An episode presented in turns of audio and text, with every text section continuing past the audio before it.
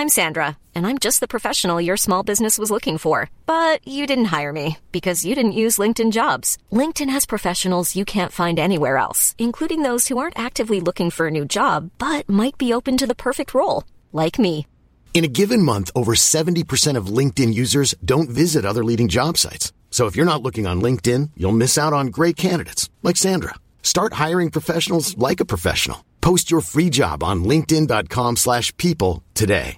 This is Paige, the co-host of Giggly Squad, and I want to tell you about a company that I've been loving, Olive and June. Olive and June gives you everything that you need for a salon quality manicure in one box. And if you break it down, it really comes out to $2 a manicure, which is absolutely insane. It's also so easy to get salon worthy nails at home with Olive and June. The difference between how your nails used to look when you did them yourself and now with the Manny system is a complete game changer. The best thing about Olive and June too is it's a quick dry. Dries in about one minute, lasts for five days, and full coverage in up to one to two coats. Visit oliveandjune.com slash perfectmanny20 for 20% off your first system. That's oliveandjune.com slash perfectmanny20 for 20% off your first system.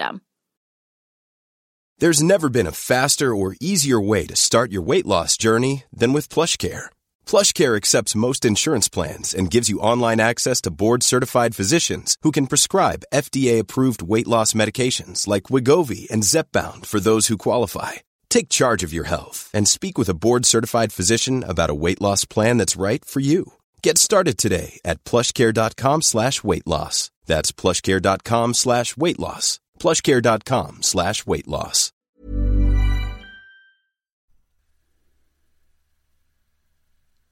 Ja, Øystein, er du klar for pod? Jeg er klar for pod. Jeg er gjennomblaut fra topp til tå, men eh, har dratt meg inn på hjemmestudio og er klar. Hvorfor er du så våt da, Øystein?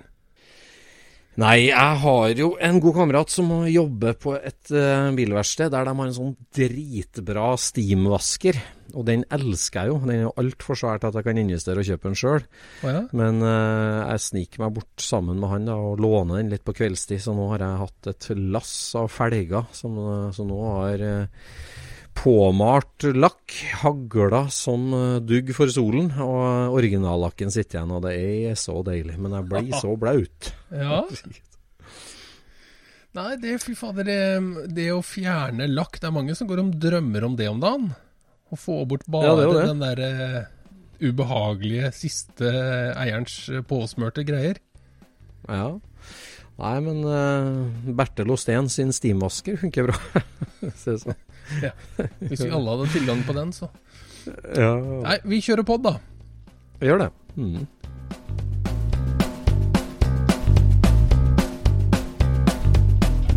Du lytter nå til Scootspodden, en norsk podkast om klassisk bil med Jon Roar og Øystein.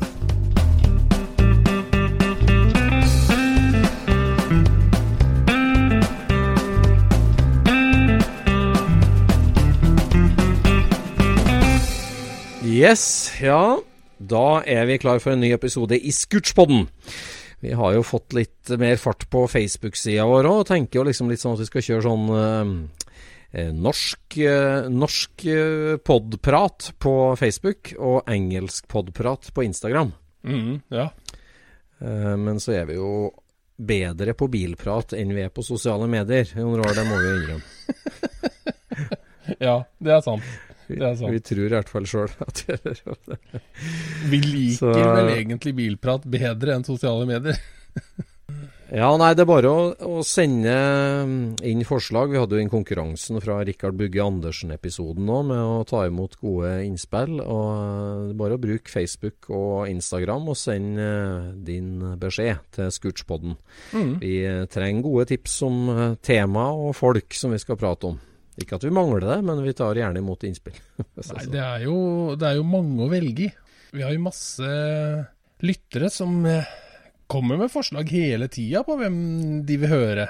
ja, Det er jo veldig morsomt å høre hvem, eh, hvem folk mener sitter på noe gull. Og det, det nytter Ja, jo det, altså, For oss så nytter det jo ikke å se på navn og tenke han, eh, han er bedre enn han. Altså, det er jo ikke Vi aner jo Nei. ikke. Vi aner ikke. Og, eh, men jeg må jo si så langt også har vi jo blitt kjent med nye folk og fått innblikk i miljø og historier som vi ikke ante at Ja, ja. fantes så langt. Så Det var jo drømmen, det. konge. Det var drømmen, det. Ja. Det er helt ideelt. Det er det. Ja, jeg driver og surfer på Finn om dagen. Og eh, vi snakka jo i en pod for lenge siden om Class of 98, hvordan vi mener at eh, bilåret 1998 var litt ja, monumentalt, i hvert fall i Europa. Ja. Det har Vi faktisk resonnert eh, godt i de folka vi kjenner. Altså det, folk har jo respondert litt på den der. Ja, det har jo blitt eh, nye bilinnkjøp og greier. eh, Ja. Som følge av det. Tenker på det, vår gode venn Vegard som dro på seg en Class of 98 ny Beatle kabriolet. Eller det er vel feil, faktisk, for den kabrioleten kom vel i 2002-2003? Ja, jo, men det er jo fortsatt den bilen, da. Altså det er jo Det er den bilen, den er grunnbilen. Så Førsteårsmodell cab, i hvert fall Karman cab. Og det er mye bil for pengene, altså. Det er en neve dollars, og så er det så gjennomført, ordentlig hyggelig bil. Og så har jeg Det- hørt at uh, i etterkant så uh, Helt uavhengig av oss, selvfølgelig, men eh, det blir prata om A2 rundt forbi, altså i podder internasjonalt internasjonalt Ja, også. det blir ja, det. Blir det. det er litt artig. Nei, A2, A2 det er get them while you can, altså. While you can. Det er helt Og så var det en, en annen artig en som, som vi ikke prata så mye om, men det er jo den der Volkswagen Lupo. Ja. Arild Dyrkorn var jo litt innom eh, Lupoen, vet du, for den kom jo noe som de Ja. kalte i treliter. ja, Treliterutgave. den, den husker jeg godt, den bilen. Ja. Med magnesiumratt og Ja, ja, og tomme aluminiumsstoler, kan du si, med bare polstring foran. Det var jo knalltøff, den bilen, egentlig. Ja, ja, ja. ja. Så den der burde man kanskje fiske opp en av. Ja, det er sant, ja. Det husker jeg så godt at han, eh, vår gode venn Pelle Korsell, sjefen for svenske Volkswagen Historiska klubben, han Mm. hadde jo en sånn. Han var en av de første han i Sverige han, som kjørte sånn. Det husker jeg så oh, ja 98-99. Ja, kom den jo i 98, da, eller? Er det så historisk? Det eh, vet jeg ikke. Nei.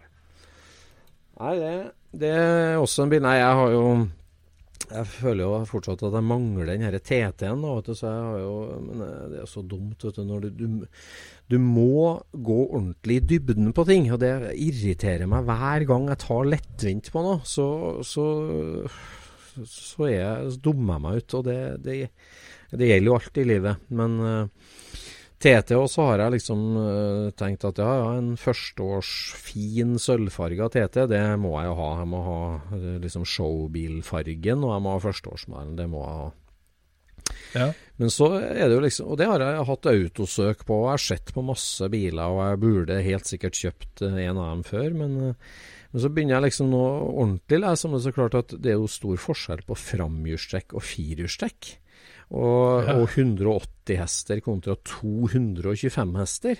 Ja. Det er jo, er jo stor forskjell, egentlig, men det er jo ingen forskjell på pris og når du scroller på Finn på det der. Nei, Men, Nei, det er nok eh, blitt altså, utvaska, den prisen der. Ja, altså en 225 hesters quattro. Det er klart at det er artigere enn dameversjonen, skulle jeg si. Den forhjulstrekkeren. Så, så eh, nå eh, det er flau over at jeg ikke har uh, Men TT-en den tok de jo inn igjen og ga en liten vinge og gjorde litt med stabilitetsprogram og sånt nå. ja, Det du skulle hatt, var jo en av de bilene som de ikke hadde gjort noe med ennå, vet du. Ja, ja. Nei, jeg ser på dem som har overlevd nå. Det, det nesten halvparten har plukka av den vingen og har den runde Å rumpa. ja vel? Så det, jeg tror den bare ble limt på, men de fleste har den. Eh, De, de fleste har den. Det, det er et få, fåtall som har tatt av, jeg skal innrømme det. Men, men noen har gjort det, absolutt. Ja. Men eh, Nei, jeg lå bak en bil i dag som, jeg, som slo meg som eh, kanskje en fremtidig eh, interessant bil. da. Og det er jo Audi Allroaden. Den første ja, Audi Allroaden. Det var jo et bilkonsept det som kom med den bilen. Altså, Ja, jeg vet ikke noe om det var det, Volvo kom vel rett etterpå, gjør de det? Den var ikke ute, kanskje den var likt, kanskje? Nei. Nei, jeg tror de var rett etterpå, ja. ja. Men det, altså selve A6, det A6-karosseriet der også, er jo veldig sånn utypisk. Det var jo liksom der hvor støtfangerne på en måte ikke var eh, Hva skal vi si? Det var ikke sånn som det var før, da. Nå følger den jo en bue ned på forskjermen istedenfor å gå rett fram til hjul og sånn, ikke sant? Så den har jo noen sånne designgrep som, eh, som jeg tror egentlig kommer fra Class of 98, da. Men eh, altså, den, ha, den er litt sånn unik i hvordan uh, plateskjøtene går. Mm. Mm. Og når, du, når det blir forsterka med denne plasten som, som de fikk, da, så blei den jo Han ble i hvert fall veldig egen. Mm. Over tid så har jeg begynt å like de godt, de som er sånn ja, mellomgrønn metallic. For de har jo sånn skottskrutete interiør og sånt. Det er liksom Ja. Du får liksom sånn derre um, Jeep uh, Hva heter de for noe? Uh, Cherokee uh, Nei, ikke Cherokee, Ja. men hva het den derre Wrangler, tenker man. Nei, Nei. den stasjonsvogna. Wagoneer. Wagoneer, ja. Du Ja, får liksom ja. den feelingen når du kikker inni, vet du. For jeg tror de er egentlig er laga for å passe inn i det amerikanske markedet, egentlig. Så de har litt sånn Ja, var ikke litt sånn eh, sixpence og jeger eh, stuk òg, de fridde Ja, til Hallroaden. Kanskje det. Ja. Problemet er jo at de har jo hatt eh, De har liksom tre ting som plager dem, ikke sant. Det er jo kammene på, på V6-en, og så er det da Mm. girkassa og luftbelger, ikke sant. Ja, nettopp. Og litt elektronikksensor, køll, Ja, krøll det innimellom. det er mye greier der, altså, egentlig. Men så Ja. de, de forsvinner jo etter fote nå, vet du. Men uh, Ja. Det ser jeg på TT nå. så at uh, Har du dashbordet fritt for varsellampa, så er jo det det største salgsargumentet egentlig for en brukt TT. så det, det, det teller litt det der. ja. Nei, eh, jeg rykker stadig nærmere å skulle realisere den her Ja. Eh, men nå er det 225 mester quattro det må være. Det, det er klart det ligger en utrolig kul en egentlig nå. Den blå en har vært så låst på sølv, men en, en blå sånn en quattro 225 med blått skinninteriør. Det er jo en color coding, så- sånn color coding som er egentlig helt hinsides, men den er jo so 98, da. Det, det må jeg jo si. At, så, ja. Uh, ja. Det er utrolig rart hva vi begynner å like etter hvert, altså. Men ja, det, det er rart. Du ser liksom, Nå for tida så er jo øh, denne her øh, 80-tallsbølgen over for oss for fullt. Med farver og fonter og liksom Det, det begynner å Det er Mm. rimelig mm. bål og øh, Miami Vice, alt som er nå for tida. ja, det, Og det var, du har liksom tenkt For ti år siden så hadde du Det har vært helt utenkelig, liksom. Nå hjelper det. ja, det hadde jo Det liksom kommer sånn sakte, men sikkert. Det er veldig mye som uh, må modne litt. Uh, det er det, altså.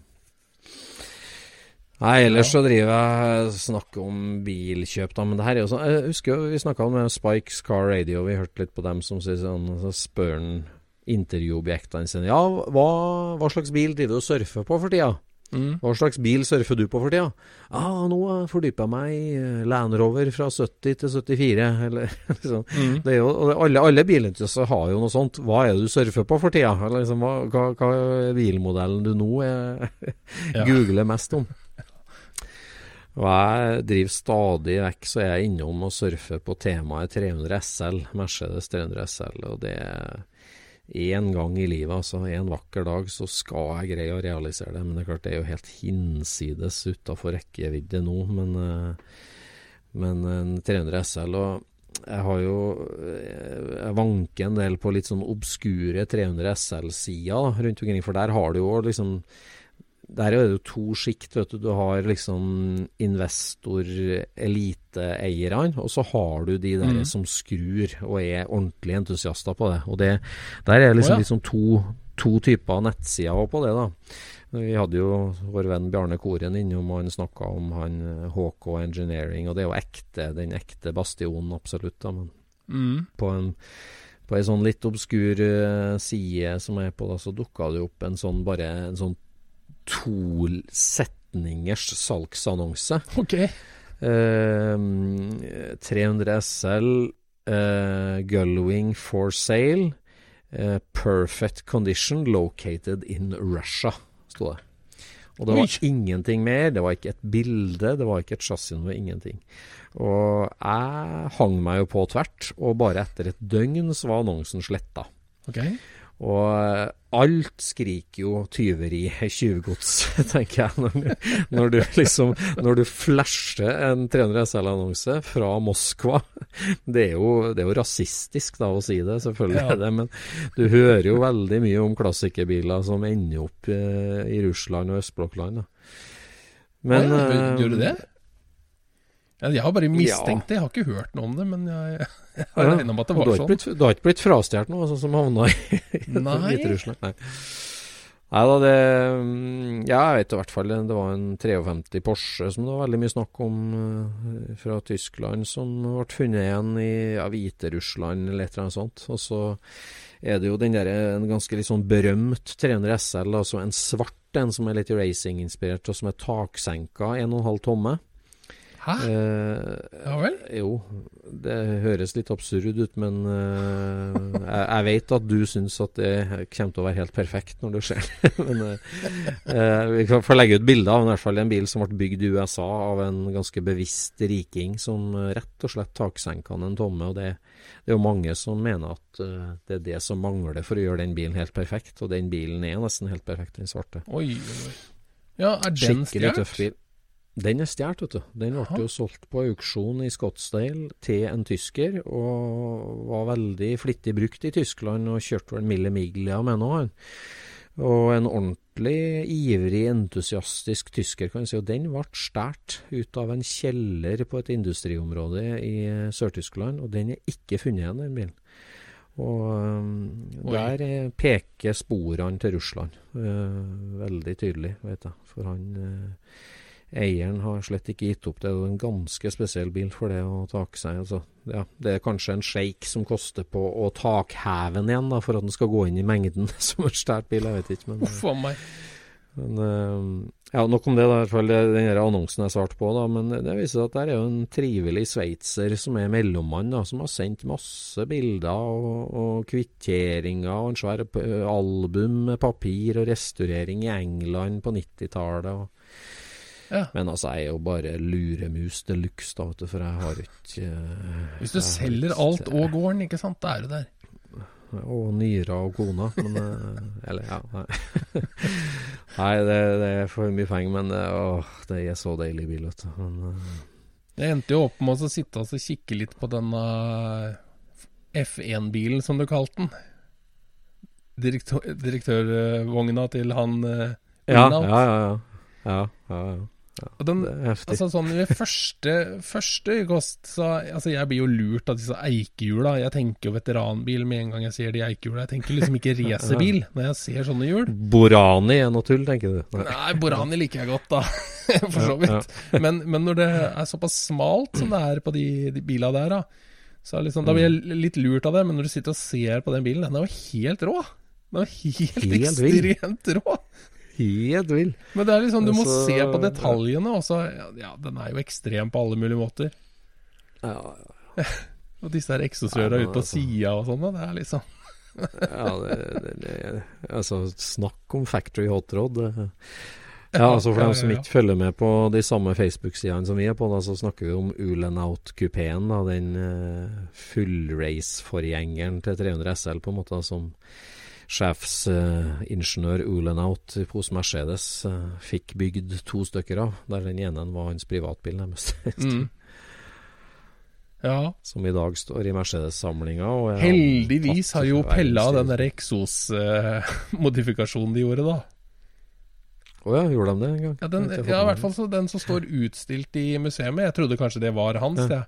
Men den har i hvert fall ikke den der ryggsekken på sida, da, som den andre fikk. Nei. Nei, akkurat. Nei, det er en fullblods Formel 1-bil, jeg skulle si, med skall på. Sånn fra den tida. Helt, helt vill, vet du. Den skal vi komme tilbake til. Vi har tenkt å invitere vår eh, superekspert Bjarne Koren for å komme og snakke om den bilen. Ja, vi vil gjerne høre mer om den. Ja, vi vil det. Ja da. Nei, det var egentlig kategorien for hva surfer du på for tida. Og jeg surfa litt 300 SL i siste igjen, må jeg si. Mm. Det har jeg. Enn du? Nei, jeg har vel ikke surfa så veldig mye etter å kjøpe noe som helst, egentlig. Men, eh, men jeg syns det var litt artig med han uh, Zuckermann, som går og så kjøper seg eh, Audi S1. Ja. Sport ja. Quattro. Sport Quattro. Ja, det var vel en sportquatro Sport Quattro. Det var jo ikke en S1, det var en Sport Quattro. Ja. Men den kom ut av det blå for meg. Den, det syns jeg var Ja. veldig gøy at den dukka opp der. Veldig, Helt ja, original, strøken ja, Det er spesielt å se de greiene der under palmene, liksom. liksom Ja. det hører liksom Ja, ikke hjemme der. Skal være en regntung uh, grusvei, eller ja. Mm. Ja, Det kan være hvor som helst, bare ikke der. ja. det er sant. Nei, det, var, det var artig. Og at han var såpass var gira på det og, og prater om det og har satt seg inn i det, liksom. Veldig moro. Ja, sant. Veldig moro. En ting vi har satt oss litt inn i det siste, det er jo farsotten som dukka opp på norske bil-Facebook-sider med å avbilde Superstjerna superstjerner og bilene deres. Ja, Stars and Cars, hva er det det var? Stars and Cars ble et slags tema på, på Facebook den uka som var. Ja. Og da savna jo vi bildet av eh, bilkjendiser, mer enn bare kjendiser. Og jeg ja, for det var jo mye filmkjendiser og Ja. Ja, det var jo det. Men du, du ville eh, ha litt mer bil i kjendis nå? Jeg syns det ble for lite bil jeg, på de der bilinnslagene der. Det, Det holdt ikke med John bare Travolta. bil. Nei, altså hva John Travolta velger som privatbil, det er jeg ikke så interessert i. Men uh, hva Lee Iacocca betydde for bilen, bilhistorien, det er jo mye mer interessant. Jeg er ikke så interessert i Grease Lightning, altså. Nei, eh, det er klart det er mye biler på film som har gjort inntrykk og sånn. Jeg syns egentlig at det der er en sånn Ja, jeg vet ikke. Det er en slags sånn gruppering i bilhobbyen som er interessert i det der. Altså, jeg, ja, jeg, er jo, jeg er jo veldig interessert i bilhistorie og historien til hver enkelt bil òg, men uh, at en Mustang skal koste hundregangen fordi at det var en filmstjerne sin bil, jeg vet ikke. Ja. Det er litt rart, da. Og så er det vel nesten ikke Ja. et uh, museum i verden som ikke har en av Cadillacene til Elvis. Nei, det er jo ikke det. er ikke. Nå hadde vel han mange òg, da, men, men, men så mange, da. Ja, det er sant. Så du Det brød, brød deg ingenting om hvilken bil eh, Audrey Hepburn kjørte, du? Jo, akkurat det er jeg litt interessert i. Det er du litt og- interessert i. Og, og Gregory Peck, for de hadde god smak, Gregory begge Peck, akkurat de to er jo litt interessante. ja. De to har spesielt god smak, så dem heier jeg på. Ja. Det er jo krise, vet du, at uh, det finnes jo på en måte dokumentert at begge dem kjøpte Romerts fra Hollywood Motors. Men det mm. finnes ikke ett bilde av dem med de bilene, og det ergrer jo meg som Romerts-entusiast. Men eh, sånn er Å det. ja? Det gjør ikke det, nei. Nei, det gjør ikke det. så. Det ikke det. det. Kan de ha kjøpt det til hushjelpa, veldig- da, tru? Ja, kanskje. Den sånn svenske modellen, og den til elskeren. Elskerinna. ja. Ja. ja, der har du en stjerne med bil. Dymling. Ja, ja, ja, Bertil Dymling. Ja. ja, han må vi egentlig vie en egen episode til. Det må vi, altså. Ja. Salgssjefen fra svenska Volkswagen som fikk sparken over natta. Han, eh, han må vi innom. Ja, det er noen, det er noen det, gode historier, egentlig. Det er note to self. Den må vi, den må vi ta. Men eh, da ble det jo Ja, vi snakka jo litt sammen om at vi må få ut noen ordentlige bilkjendiser. Mm. Og da, da var vi Alia Jakokka var vi innom, og eh, Virgil Exner f.eks. er jo en GM-sjefsdesigneren. Men to sånne bilhistoriske kjendiser som vi liker godt, er jo Ferdinand Porsche og Hans Ledvinka. Ja, ja absolutt. Ja. Det er jo folk som har påvirka oss to en god del, i hvert fall. Ja, det er det. Og de har påvirka eh, bilens utforming en god del òg. Ja, de har det. Det er helt sikkert. En del uh... Og det, det, det tenkte jo at vi skulle bruke litt ekstra tid på i denne Scootspod-episoden. Mm. Vi snakker om eh, de her to, for oss, da, kjendisene. Men de hang hang jo sammen, de, på et tidspunkt. Ja, de var jo kompiser, men de var jo født i gamle eh, Ottoman-imperiet i Østerrike og Ungarn. Mm. I dag eh, Tsjekkia var jo født nærmest som naboer, bare med to år imellom. Og var jo gode kompiser. Superinteresserte, bilingeniørhungrige. Eh, ung, ungarsk, østerriksk, tsjekkisk. Eh, superstjerner. Så det skulle bare mangle at uh, de får en egen episode i Scootspoden. Ja, Vi tar en kort pause. jepp. Ja, Ferdinand Porsche. Uh, det, er jo, det er jo mange episoder i Scootspoden som kunne handla om Ferdinand Porsche. Og eh, det er klart at han får jo av og til nesten ufortjent mye skryt, på en måte. Men, eh, men eh, Porsche var en eh, sånn superkort versjon er jo at han jo, var jo født eh, i 1875 i det som i dag er Tsjekkia, da, men som da var Østerrike-Ungarn. Og etter, eh, etter første verdenskrig så, så ble jo han eh, østerriker mm. når, han, når han kunne velge. Og han var jo vokst opp i verkstedet til far sin, og, og tok seg etter hvert en halvveis sånn ingeniørutdanning, og starta hos Loner-selskapet i 1898. Ja.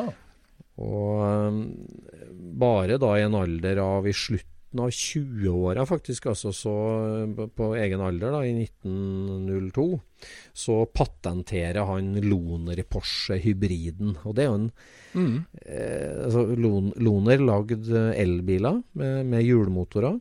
Og, og så uh, raffinerte han hjulmotorene videre, og så lanserte han da seriehybriden som vi kjenner igjen i dag, med en bensinmotor til aggregat som fora fire elmotorer. Og det er, det er ikke noe dum altså, Å være under 30 år og komme inn som designer i et bilfirma da, i helt bilens spede begynnelse, og tørre å tenke ok, de lager elektriske biler med tunge blybatteri, de lager forbrenningsmotorer. Det å skrive side opp og side ned med hvordan på en måte elbiler og bensinbiler da konkurrerte om, og, og bensinbilen vant, og hvorfor Ja, ja. det. Men det Ja. å slå det sammen og kombinere det da i i en en hybridbil var jo helt konge, og en, en god tanke Ja, ja, ja. allerede da. Og Ferdinand Porsche. Ja, for han var vel da Altså Problemet med bensinbilen på den tida der sånn, var jo at den ikke hadde selvstarter og, og alle de her tinga der som Som han da kanskje bypassa da, ved å lage kombinasjonen, da. Ja, det handler mye om, eh, om vekt, forstår jeg, om du skal lese historien. da, At de tunge blybatteriene, for å få til noe rekkevidde, så ble de bilene så tunge.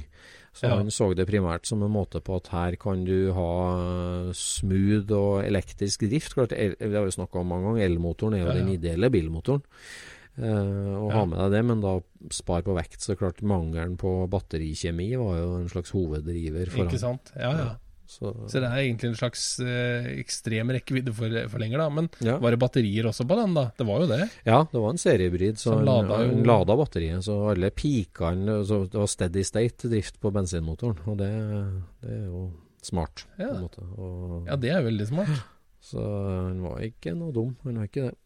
Så Men, eh, men den derre der saken med vekt der, den har, har vært gjennomgående. Effektivitet og vekt. Ja, ja, ja. Der, det, der har han hatt eh, øya på målet hele veien. Det har hatt øya på målet hele veien. Og det, ja, altså det der med identifisere problemet og gjøre noe med det. Ikke gjøre noe med ja, symptomene eller eh, ja, Ja, ja. Så Nei, altså etter å ha konstruert eh, hybridbiler og elbiler hos Loner da, i Østerrike, så gikk han da til Austro Daimler i 1906 og ble sjefsdesigner der. Og da er han altså 31 år og blir eh, chief eh, designer hos eh, Austro Daimler. Det er godt jobba. Det er godt jobba. Og da bygde de jo racerbiler, de her Bergrennen-bilene som eh, det finnes igjen to stykker av, vel. Som er de her Austro Daimler-bilene som han bygde for å kjøre et sånt bakkeløp i Østerrike på tidlig 20-tall. Ok. Eh, helt, helt vanvittig. Det første møtet med racerbil, kan du si. da. Ja. Og så i 1926 så ender han opp hos Så blir jo Austro Daimler merga inn i det som blir Mercedes-Benz til slutt. Ok, så ja. fra 26 til 29 så jobber han for Mercedes-Benz. Mm. Og er jo med, Da går han jo fra Østerrike, fra småprodusenter i Østerrike, da kan du si Loner og, og Austro Daimler, og over til å flytte til Stuttgart og bli utnevnt til æresdoktor og, og jobbe hos Mercedes. Men så liker han seg ikke helt i Tyskland, og syns det blir for uh, han, han, er jo en beskjeden kar, og flytter tilbake til Østerrike i 1929. Uh, og starter for Steyr, østerrikske ja. bilfabrikanten. Mm. Og, eh, men det var ikke så lenge, for at de, der ble det dårlige tider og Great Depression i, i, både hele Europa og verden for øvrig. Så i 1931 flyttet han tilbake til Stuttgart og startet da sitt eget firma, Porsche GmbH, Konstruksjonen und Beratungen für Motoren und Fahrzeugbau. Ja, det er tittelen sin, det. det er tittelen. så, så da ble det første Porsche-firmaet.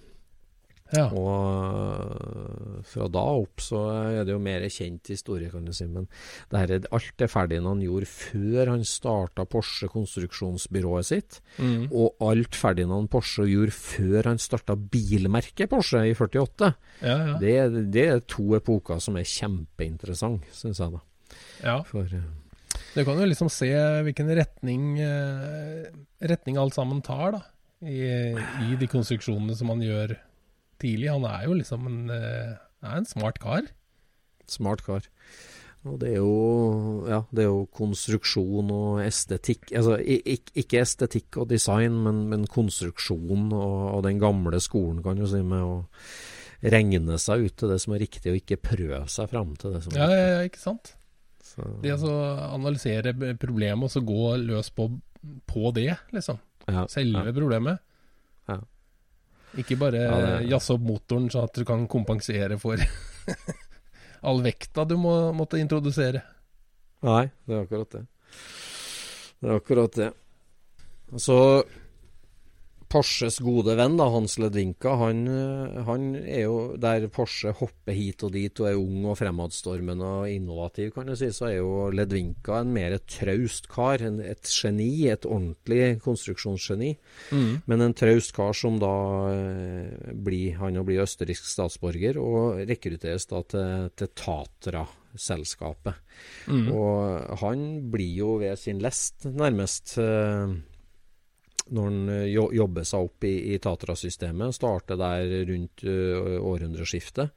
Mm. Og jobber seg opp i gradene. Og helt altså fra 1921 til 1937 så er han sjefskonstruktør for Tatra. Helt mm. fram til krigen omtrent.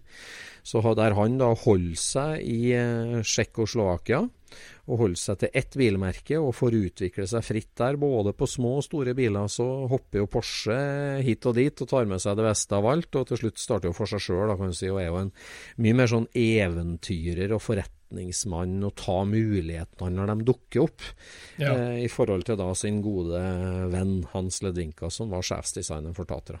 Men Ledvinka hadde vel, han tenkte vel at han hadde kremjobben, han da? Altså, det var jo helt fantastiske biler. Ja. Eh, de råeste bilene som eh, Tatra ja, bygde, var jo helt ekstreme ting.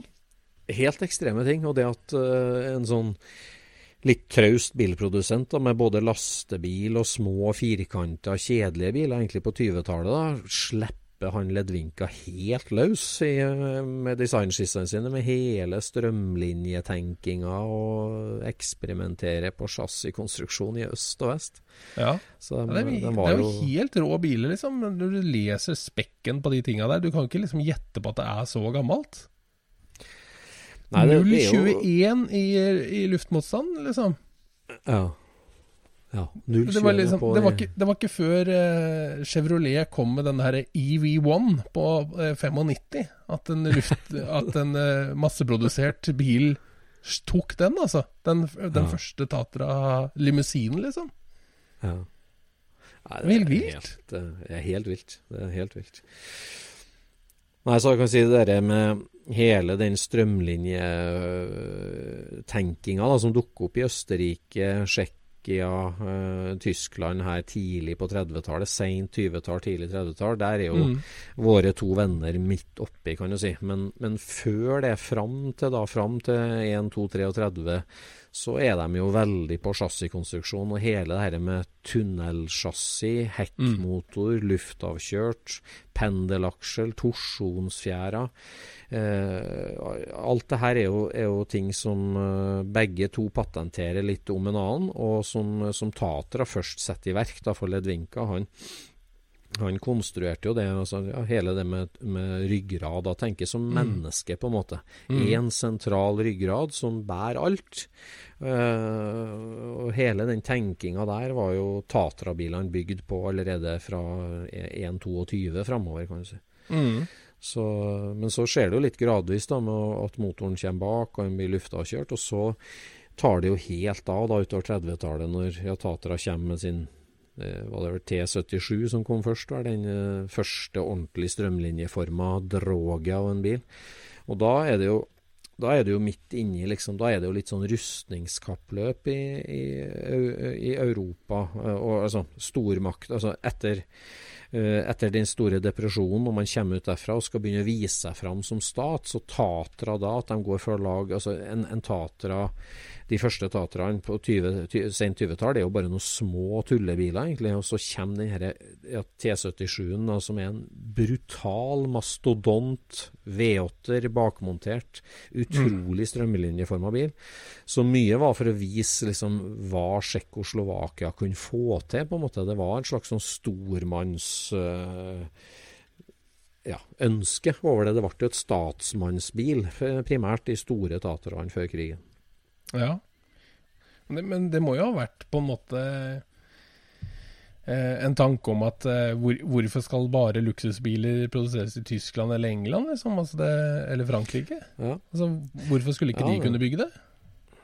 Ja det, uh, ja, det er sant. De hadde jo absolutt evnen til det. Men det, det var jo noe med det at han Ledvinka leda an veldig mye den tenkinga rundt det. At liksom det, det, går an å bygge eh, en, en, ordentlig fartsvidunder og en svær bil og en strømlinjeformel. Men at, at de turte, syns jeg, et sånt gammelt selskap med én fyr som ja, at han, at han, fikk lov til å utfolde seg så fritt. da. Det, det skapte jo noen bilhistoriske perler. Ja. Uten at jeg egentlig helt veit hvordan uh, de ble tatt imot da. De var jo kjent for å være veldig tung og tungkjørt og understyrt. I hvert fall de svære tatere. ja, det kan man jo innbille seg. Det er en sånn historie om det at uh, halvparten av T77 Altså den T77 og den største, den jeg vet ikke om det finnes det en 20 stykker av dem, eller 18 stykker av dem i verden, eller sånn, men uh, det ble ja. sagt at liksom 80% ble tatt ut når uh, amerikanske soldater begynte å villmannskjøre med dem i det frie Tyskland og Tsjekkia. ja, For de var jo ekstremt understyrt. med svær, tung motor bak. ja.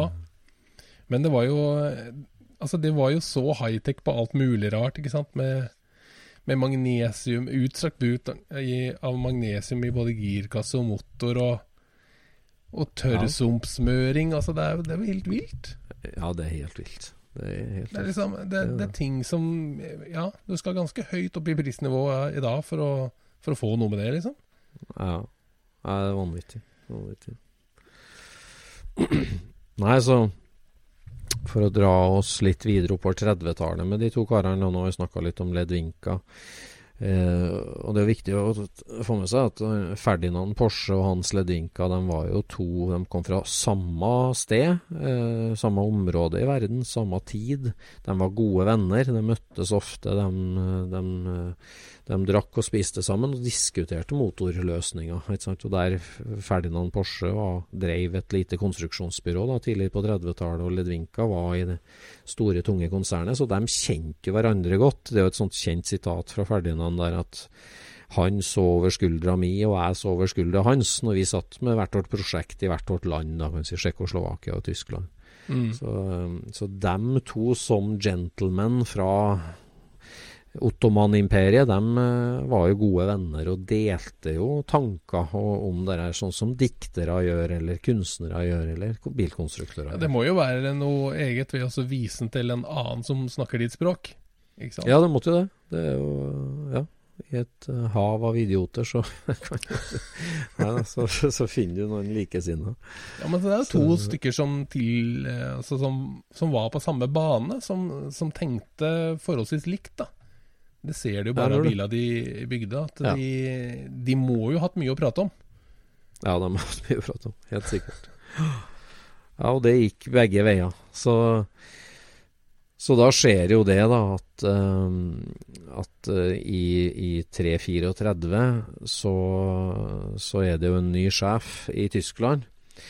Og det er jo skrevet veldig mye om det, om, uh, om hvordan han bidro til utviklingen av det som ble folkevogn etter hvert. da, Men det er klart at og vi skal ikke ta noe politisk side i det hele tatt, men, men, det som da skjer med tenking rundt uh, hvordan bygge et, uh, et, land og en nasjon, det kan vi mene veldig mye om, og det var jo grusomme ting for all del, men den tenkingen rundt transport, da, at folk må kunne flytte på seg. Og, ja. og, og, det må være en infrastruktur for det som fungerer for å, for å, bygge et bra land. Og Det er klart at det, det Henry Ford gjorde i USA da, med, med T-Forden, var jo eh, sånn monumentalt viktig grep. Det samme det som Sette USA på hjul, liksom? Ja, og det samme som i dag. Det er som at en nasjon med god internettforbindelse eller god mobildekning, kan du si. Det er klart at et sånt land er et mye mer bedre skikka land. da, mm. har, har noen fortrinn da, i forhold til mm. andre land. Mm. Så, så, den tenkinga rundt infrastruktur med, med, å bygge jernbane, bygge motorveier, uh, si, buss og mennesketransport, og det, det ultimate, altså det mest finmaska der, med, med, en egen mobilitetsenhet for en familie, da, en bil, i det mm. transportsystemet som, som muliggjør transport, men som er eh, noe som alle skal ha råd til. Det var jo T-Ford-tenkinga fra USA som mm. eh, kopierte der. Så på lik linje med at det ble et offentlig anbud for å bygge eh, veier og bygge hotell, eh, eller ikke hotell, men bygge veier og bygge nasjonal infrastruktur, så ble det jo en, eh, et nasjonalt innkjøpsprosjekt, det å få utvikla folkebilen. Mm. Uh, det, er jo, det, er jo, veldig sånn konstruktiv og nøktern tenking. Altså det er sånn analytisk tenking. Ja, det er og det er vel egentlig det, det, er jo det som egentlig byr veldig mange mennesker imot. At det, hvor, hvor, altså, hvor ja. nøktern tenking det er, hvor kalkulert alt sammen er. Det er jo det ja, som er eh, det, det, syke oppi dette her. Men, men det er også sånn du får til enorme ting, da. ja. Ja. vi må passe oss nå for å ikke skryte for mye av en del ting. for det, klart, det, gikk, det, gikk, jo fullstendig galt på et punkt. Ja, men, eh, men, det, er, det, er, ikke mann og ideen og det, og det som er eh, som er imponerende, men det er liksom det der altså bare, vi, vi, lager, vi lager autobahn, ja. og vi må få hver mann sin bil, liksom, så at vi får ja, dette landet opp og gå. Ja, ja. Ja, nei, det, det starter jo med liksom altså, Folk må være Folk må være blide, de må være fornøyd, så de må komme seg på ferie. Folk må ha jobb, for at de må tjene penger, så de må komme seg på jobb. Og det, så det, det, altså, det, er helt elementære ting som eh, på en måte eh, ja, personlig mobilitet da, er en del av. Og det, så det er jo høyt på politisk agenda i dag òg, det. Med mobilitet. Skal vi forby elbiler? Og så er det jo nøkternhet, da. Det er sånn veldig nøktern. Det skal være plass til fem personer. Han skal gå billig og gå full gass hele dagen. Liksom og så skal han være så enkelt konstruert som mulig. Ja. Men holde ja, der er, ja, og der, der, er det jo nesten på altså Der grenser jo nesten over til kommunismen, på en måte. Og sier liksom at ja, ja. ingen trenger ingen treng en svær Tatra med V8-er som går 200 km i timen. Ingen trenger ingen treng en luksusbil, kan du si. Du, du, det må være plass til tre kofferter, fem folk. Det må gå også 100 km i timen. Det må Så ja, jeg, jeg har jo vært med noe, noe vann som fryser, eller altså Det må bare funke. Ja, ja det må bare funke.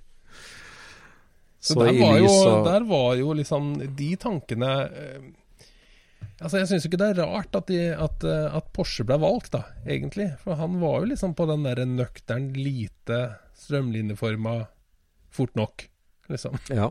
Ja, ja.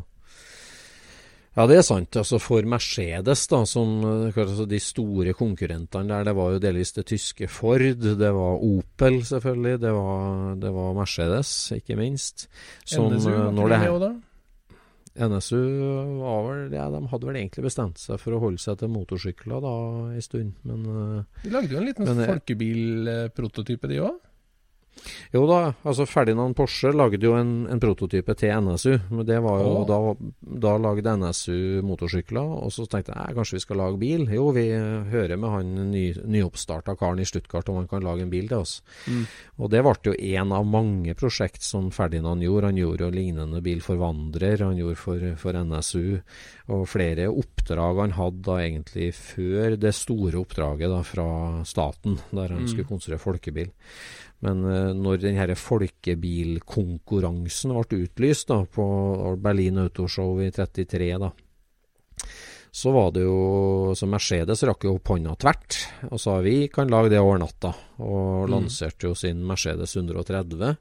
Og svarte jo på spekken da på Altså i dag logger det på Doffin på, for offentlig innkjøp og får en sånn langt dokument med spekk. Mm. Da var det jo en ganske kort spekk, men det skal være hekkmotor og strømlinjeforma i hvert fall. Så klart at den spekken var jo litt sånn skreddersydd til hans favorittdesigner, da. Så det var en sånn 130 H de lagde, ja. Mercedes? Ja, ja, de lagde det. Og så kom jo Opel med den Kadetten, da, som senere ble det. Og så Ford hadde jo den der Ford Junioren sin, en sur firkanta 30-tallsdesign, som de plutselig kalte Volkswagen òg. Så, ja. så, det var mange som kom til torgs da. Så kan vi si at ja, eh, altså eh, Ferdinand Porsche han tenkte rett, og teknisk så kunne han helt sikkert løst det oppdraget veldig smart og veldig bra, og det har han gjort, åpenbart. Men han hadde jo ikke noe fabrikk, ikke sant, og hadde jo ikke noe erfaring med masseproduksjon på samme måten. Han var jo et lite konstruksjonsbyrå i, garage, eller, ja, i et lokale i Stuttgart. da. Mm. Så men det er klart at han hadde jo blitt en slags sånn uh, rikshelt for, uh, for Tyskland og, og der noen, ja, og vist seg fram med veldig mange gode konstruksjoner, bl.a. samtidig det dette Auto Union, Sølvpilen, racerbilprosjektene, mm. som vi også skal komme tilbake til. Så i hvert fall så vant jo han den konkurransen. Og det er jo her vi tenkte vi skulle altså det her kommer inn på det her med kjennskapet mellom Ledvinka og Ferdinand Porsche. Hvordan, uh, hvordan det utspant seg da i 334. Ja. For det er klart at når du da får en sånn offentlig bestilling på at ja, konstruer folkebil, og gjør det fort og gærent eh, altså Tidsfristene var jo veldig tight. Nå skulle vi hatt det foran oss, men var det tolv måneder til at de måtte vise fram fem ferdige prototyper eller noe sånt? Mm. I den konkurransen nærmest da som ble utlyst. Og da får Ferdinand Porsche, så, så kaster han sammen de beste hodene, de beste ideene, det beste teamet til å gjøre dette her så fort og rasjonelt som mulig. Mm. Så at du da Du starter ikke fra scratch. Du har jo gjort mange tanker i utgangspunktet, og du har den her gode sparringspartneren din, Ledvinka, og det å da tenke OK, vi kjører tunnelsjassi, vi kjører torsjonsfjæra, vi kjører eh, enkel... Ja slepearmer, enkelledda bakaksling, luftavkjørt har jeg erfaring med, så du kokte og kasta oppi den gryta ting du hadde erfaring med, og som du veit var i tiden, som var moderne og akkurat nylig bevist, da, som på en måte her det her vinden blåser, og det her som er rett, og det her som er rasjonelt teknisk god vei å gå. Det er jo faktisk så, samme grunnoppstette på chassis som det er på Autony Autounion-bilene, liksom. Det er jo slepearmer ja, og svingaksel bak, liksom. Ja, ja. Det kunne ikke Scary bli bedre shit. enn det da. Nei. Enig. Nei, det, det, Så da, det jo, da var det jo full trøkk i Stuttgart-garasjen da for å få sammen der. Og da, da brukte han jo ideer fra, ja, fra Ledvinka og, og, flere, kan du si, og kokte sammen det første konseptet til folkevogna. Bobla. Mm. Så uh, utrolig det som foregikk der da. Altså at de, og i parallell nærmest da hele det uh, Silver Arrow-prosjektet til Autounion. Og, uh, ja, det er jo et annet kapittel vi skal inn på senere. Mm. Så da er det jo Resten er jo liksom da, da, ruller jo historien videre, kan du si, med med hvordan eh, Mercedes og Opel og Ford får beskjed om å bare avslutte sine prosjekt. For nå var det valgt en vinner, på en måte. Og nå skal vi bygge en ny by, vi skal bygge en ny fabrikk, vi skal bygge et underleverandørsystem, vi skal bygge smie for å smi vårt eget stål. Mm. Og hele den infrastrukturen som ble bygd da, rundt det nasjonale bilprosjektet. Ja. Og, eh, og da er det jo dere som skjer at da, da, da har jo Ledvinka slutt, han, han, slutter etter, etter krigen, kommer jo Tatra aldri ordentlig i gang igjen som bilprodusent. Uh, ja, han, blir jo, delvis, han blir jo anklaga for å ha samarbeida med, med kommunistene. Ja, det var sånn det skjedde. Av, av uh, sin egen regjering. Og han ja. jo, eh, sitter jo seks år i fengsel. Ledvinka? Ja. Gjør det, ja. ja. Mm.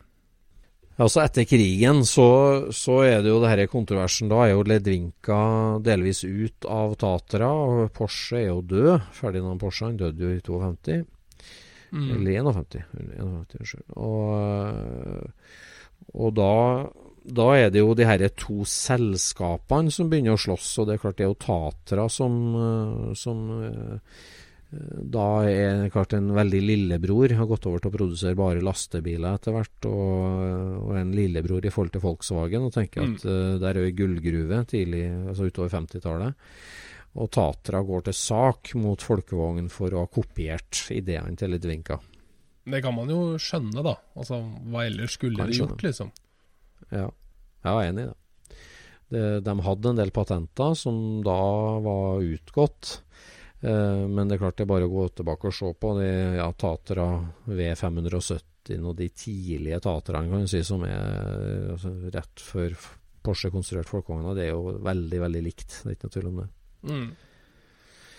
Det var jo tips om sa, det der, for så vidt. Men, og det er vel det Det er vel det Porsche og, og Volkswagen har pekt på hele tida. At eh, det var sånn det skulle gjøres da.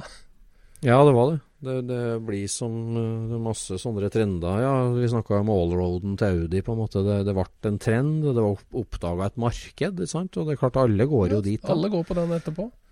Ja. Heisa stasjonsvogn med plastbreddere. Ja, det funker, funker, for flere, det. Så, ja. så det der er at den kontroversen der eh, ender opp da med en sånn settlement i 1965, vel, der én eh, million Deutschmark mye, En mark den sto ca. i fire kroner uten det i sin tid, eller? Nei. Mm, ja, det er ikke jeg sikker på. Nei. Jeg innbiller meg at det var nesten en sånn halv euro, at en Deutschmark var. At to Deutschmark ble til én euro. Men det skal jeg ikke si sikkert. Men det høres uh, veldig lite ut. Altså i 1965 én million Deutschmark. Det høres ut som en veldig litt sånn symbolsk sum. ja, det, det, er vel bare en sånn settlement, er det ikke det da? Altså det er jo ikke noe jo de, de vant ikke. De, de innrømte at det her var noe falskspill. Ja, det var ikke mye penger. Men uh, det her var jo to gamle gentlemen som, som delte på det meste. Som, uh, men er det noe som er uh, sikkert som folkevognentusiast, så er at du får se denne her bobla med takmontert campingtilhenger. Den får du ja. se en gang i måneden. ja, og du får denne her denne Tatra-kontroversen slengt i fleisen ja. hvert sjette måned. så ja, de kan du stille klokke ja, og, omtrent. Og det derre forbanna kjøleskapet med Folkong-logo og vedmaling. Herregud, det er lei av. Altså, det, det kommer hele tida. Det gjør det, altså. Ja. ja. Nei. Nei. Tatra er åh, Jeg ønsker meg jo en førkrigstatra, en av de svære der. Men uh, der har jeg en litt sånn artig historie, for at den T77-en, altså T87, finnes det ganske mange av. Det har vi hatt en par-tre mm. stykker av i Norge. Mm. Og, og det, det, har vært flere i Sverige, og de uh, finnes liksom uh, det, det, var jo en stor bil. Men, men uh, the mother of all Tatras, det er den type 77. Som er, og hvis du setter, dem side om side, så er det to helt forskjellige biler. Altså type 77-en er mye mer strømlinjeforma. Den er brei, den er litt sånn mer sånn industriell i designet. Ja, det er den som har løknet ut i skjermene, det. Ja, For den, den fikk det etter hvert. For den andre har i panser, på en måte. Eller? Ja. Nei, altså de første versjonene av 77 Ah. hadde, hadde i panseret. Ah, og så ble det ja, det flytta ja. ut for noe sånn regulatorisk. Men Mm. eh, nei, den har luftunntaket oppå taket, og ikke på sidene. Henger ut som sånn ører på sidene. Ja. Og så er den mye breiere og deiligere i formen. Altså, det var liksom storebroren, og så var for, for, eh, for eh, government uh, officials. Mm. Og så var 87-en mer en sånn salgbar bil. da. Og jeg tror ja, det finnes et sånt hollandsk register for, for T77. Jeg tror det er 18 stykker eller noe sånt som er i det registeret. Og en av dem var, er jo i, i Canada. Det er en kar i Canada som har en 87 og en 77 og har hatt med seg begge to på Pebble Beach. Ja. Og eh, jeg ble så motivert av å se en sånn 77, for at uh, de er sjelden, de. Og, eh, altså, de er gjemt i noen rike tsjekkiske samlinger, mange av dem. Og så finnes det noen i Europa og en par i USA. Mm. Så jeg var, jeg var i Toronto på jobb eh, for noen år siden, og da dro jeg innom han eh, øh, Hva heter han da? Adams? Nei, jeg husker ikke hva han heter nå. Men han har i hvert fall de toene stående side om side da, i kjelleren. Og, eh, og den var så mektig, den 77-en. Altså, jeg kikka mye på den. Jeg fikk sitte på med en tur rundt The Block der. Han, vant- han vant på Pebble Beach med den bilen, men han har restaurert den sjøl. Ja, den ene han restaurerte sjøl. Den andre, da, og det, og det som var egentlig poenget med den historien, at uh, han fortalte det, vet du, at uh, han hadde fått tak i den type 77-en, og så var det et sånt tsjekkisk superfirma som var ekspert på å restaurere dem, som hadde restaurert fire av de andre. Jaha. Og så sendte han hele bilen fra Canada over dit for å restaurere den da i Praha hos det firmaet. Mm. Og så begynner de å sende bilder, og så ser han bare at hallo, de driver og bygger et helt nytt karosseri, liksom. Ok. De, nei, alt var så dårlig, alt var så dårlig. Det måtte byttes, det måtte byttes, det måtte byttes. Og så sier han til slutt ja, men dere bygger helt Ja, vi har funnet ut at det er bedre, det. Vi, vi gjør det på samme måten, og vi har en gammel håndverker som var med og bygde, og sønnen av en sånn som bygde dem ny, så vi bygger en helt 100% kopi liksom av karosseriet. Men å begynne å lappe på det karosseriet, det var så mye jobb. Men eh, liksom, han, han sa da at uff, jeg var veldig i tvil om det, og det var jo slett ikke avtalen. Og, men for dem så var det liksom den naturligste ting, sa han. Ja. Så jeg sa at eh, det var greit, men da ville han ha tilbake karosseriet, for han begynte å bli redd for at de skulle bygge to biler og, og beholde karosseriet hans. Mm. Han ville ha med seg karosseriet over igjen til Canada, og de måtte betale frakta eh, over. Det ble liksom en deal, da. Ja, det var, det var greit, liksom. Så sier jeg ja, så det betyr at du har et komplett T77-karosseri stående? Som, ja, jeg har det, ja, det har jeg stua under oppi et naust eh, med hytta til søstera mi. Sånn. Nord i Canada. What? Har du det? Ja, det, ja, er det liksom komplett, da, sier jeg. Liksom med dører og hengsler. Ja, det var et helt komplett karosseri. De, de bygde alle, de flytta over. Liksom alt det mekaniske, og, og, og vindu og instrument og sånn, men sjølve skrotten er helt komplett. sånn. Ja, var, han så, var han så dårlig, da? sier jeg. Nei, jeg syns jo ikke han var så dårlig, sier. Så jeg, og da, Siden da begynte jo jeg å mase da, på om han ville tømme det naustet oppe i nordkysten av Canada. Men jeg tror dess mer jeg har mast om det, dess mer har han skjønt at det skal han i hvert fall ikke selge. For da, så, men det står altså herved utlyst. Oppi der står det en ja, bil nummer 19. Nei, det er jo ikke for nummeret er flytta. Oi, oi, oi. Sånn er det. Nå har jeg outa en Pebble Beach-vinner. Det er kanskje litt skummelt. Bare Ja, ja. vertssesong, kanskje. Ja, var det kanskje. ja, ja. Nei, det får, det får holde for dagens episode. Vi skulle jo innom flere bilkjendiser og flere dimensjoner, vi, men det blir neste episode, tror jeg. Ja, vi får ta det en annen gang. Det var i hvert fall eh, Ledvinka og Porsche og Tatra og Folkevogn-kontroversen i et nøtteskall. Ja. Så får vi se da om, eh, om det blir lenger til vi hører den neste gang. Ja. At vi innrømmer nå at vi har hørt den. ja, det kanskje. Uff. Ja. Har du sett i kjøleskapet her? Ja. Nei, greit. Ja, nei, vi Takk for i kveld. Vi gjør det. Ha det bra. Scootspodden produseres av SSC Media, med god hjelp av VV Norge og Trond Dahl for hosting, Knut Micaelsen for musikk. Abonner på Scootspod via podcaster eller Acast, og følg Scootspod på Instagram og se det vi snakker om. Der kan du også komme med kommentarer og innspill, og fortelle oss hva du vil høre om.